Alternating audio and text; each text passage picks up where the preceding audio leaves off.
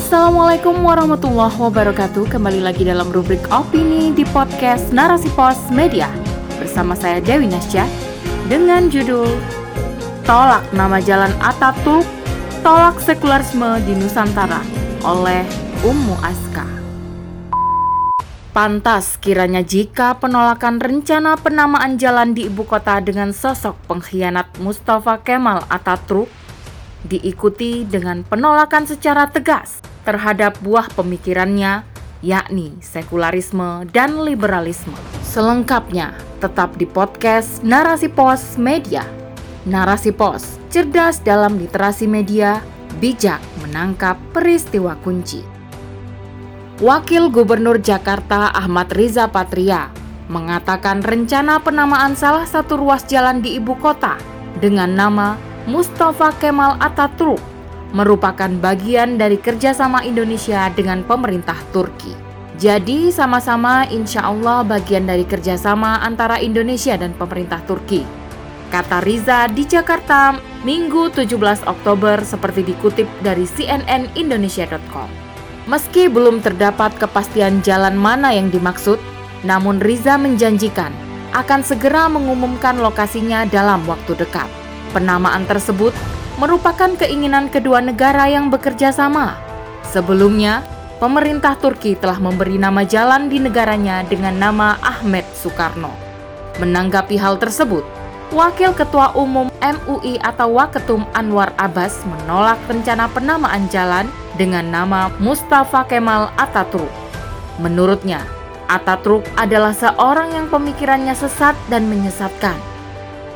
Jadi Mustafa Kemal Ataturk ini adalah seorang tokoh yang kalau dilihat dari fatwa MUI adalah orang yang pemikirannya sesat dan menyesatkan kata Anwar dalam keterangan resminya pada Minggu 17 Oktober seperti dikutip dari cnnindonesia.com. Bukan tanpa alasan, pada 2015 lalu MUI telah mengeluarkan fatwa keharaman pluralisme, liberalisme, dan sekularisme. Ketiganya merupakan pemikiran sesat yang akan menjauhkan seorang muslim dari agamanya. Mustafa Kemal Ataturk merupakan bapak sekularisme Turki dia adalah orang yang telah merongrong kekuasaan Islam. Dengan siasatnya, dia berhasil menduduki parlemen dan secara sepihak menjatuhkan kekuasaan khalifah saat itu. Hingga tahun 1924, diumumkan keruntuhan khilafah Utsmaniyah. Sejak saat itu, semua tatanan syariat di Turki diubah oleh Mustafa Kemal dengan tangan dinginnya azan berbahasa Arab diganti menjadi seruan berbahasa Turki. Bahasa nasional yang sebelumnya adalah bahasa Arab diganti dengan bahasa Turki. Pakaian wanita khas Islam yakni jilbab, burka, dan khimar diserukan untuk diganti dengan pakaian nasional Turki yang berkiblat pada Eropa. Berbagai hukum syariat dalam hal pidana maupun perdata dirombak pula dan diganti dengan hukum sekuler barat.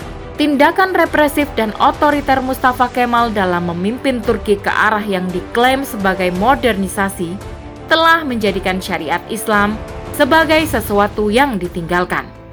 Bisa ditebak bagaimana nasib umat Islam kala itu? Umat Islam jatuh dalam lubang pesakitan. Sakit yang dialami umat hingga kini bahkan belum kunjung membaik. Pemisahan agama dan kehidupan dunia atau sekulerisasi yang dilakukan Mustafa Kemal telah memecah belah persatuan kaum muslimin sedunia. Dengan mengadopsi sistem baru yaitu demokrasi sekuler, Mustafa Kemal telah menumbalkan umat Islam kepada penderitaan sistemis hingga kini. Keterpurukan yang dialami umat Islam di Turki berdampak kepada umat Islam di Nusantara seperti dikisahkan dalam literatur sejarah, umat Islam di Nusantara melalui kerajaan Islam telah berbaiat kepada khilafah. Hubungan baik yang dijalin kekhilafan Islam dengan Nusantara terlihat mulai dari hubungan dagang hingga hubungan politik. Secara politik, Daulah Khilafah menjalankan fungsinya sebagai pelindung dan pengayom semua wilayah yang telah berbaiat kepadanya. Salah satunya adalah saat banyak kerajaan di Nusantara terdesak oleh kolonialisme Belanda.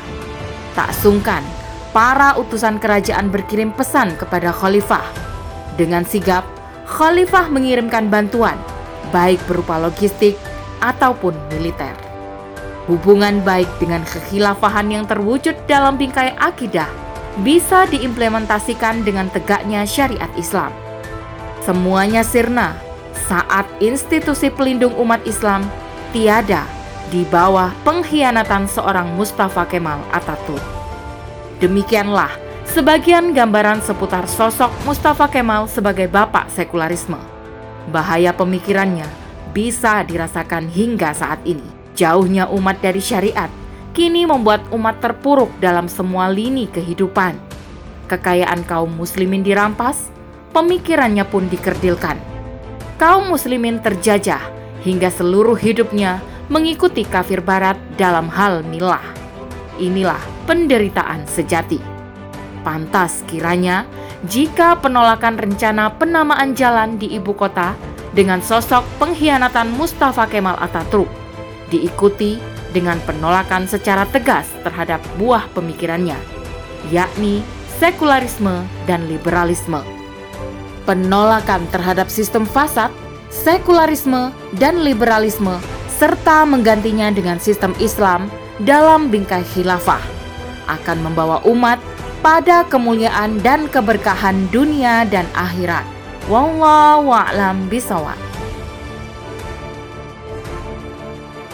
Demikian rubrik opini kali ini, semoga tercerahi. Saya Dewi Najak undur diri. Afu minkum wassalamualaikum warahmatullahi wabarakatuh.